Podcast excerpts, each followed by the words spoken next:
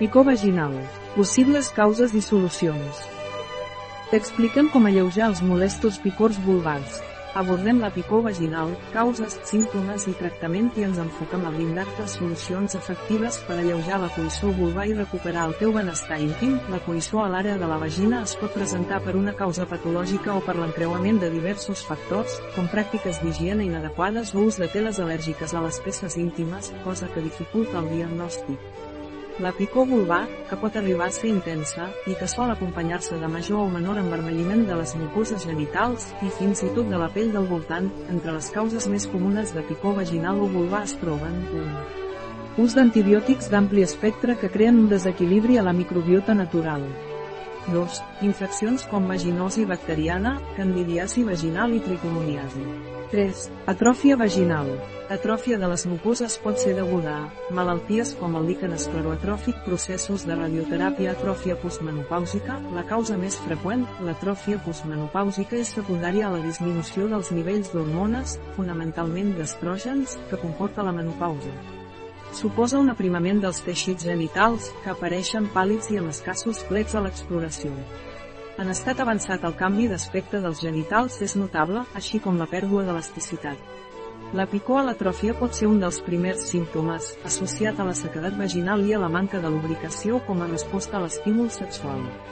Aquests símptomes poden aparèixer fins i tot a la perimenopausa, quan la dona conserva encara les regles, però sens dubte és un dels símptomes més freqüents de la postmenopausia immediata. 4. Diabetis mellitus. 5. Malalties d'immunodeficiència. 6. Càncer de pell a la zona de la vulva. 7. Reaccions al·lèrgiques. 8. Malalties de transmissió sexual, herpes, VIH i BPA. 9. Ús de dispositius intrauterins i tampons vaginals. 10. L'embaràs és un factor que influeix a l'aparició de la candidiasi. 11.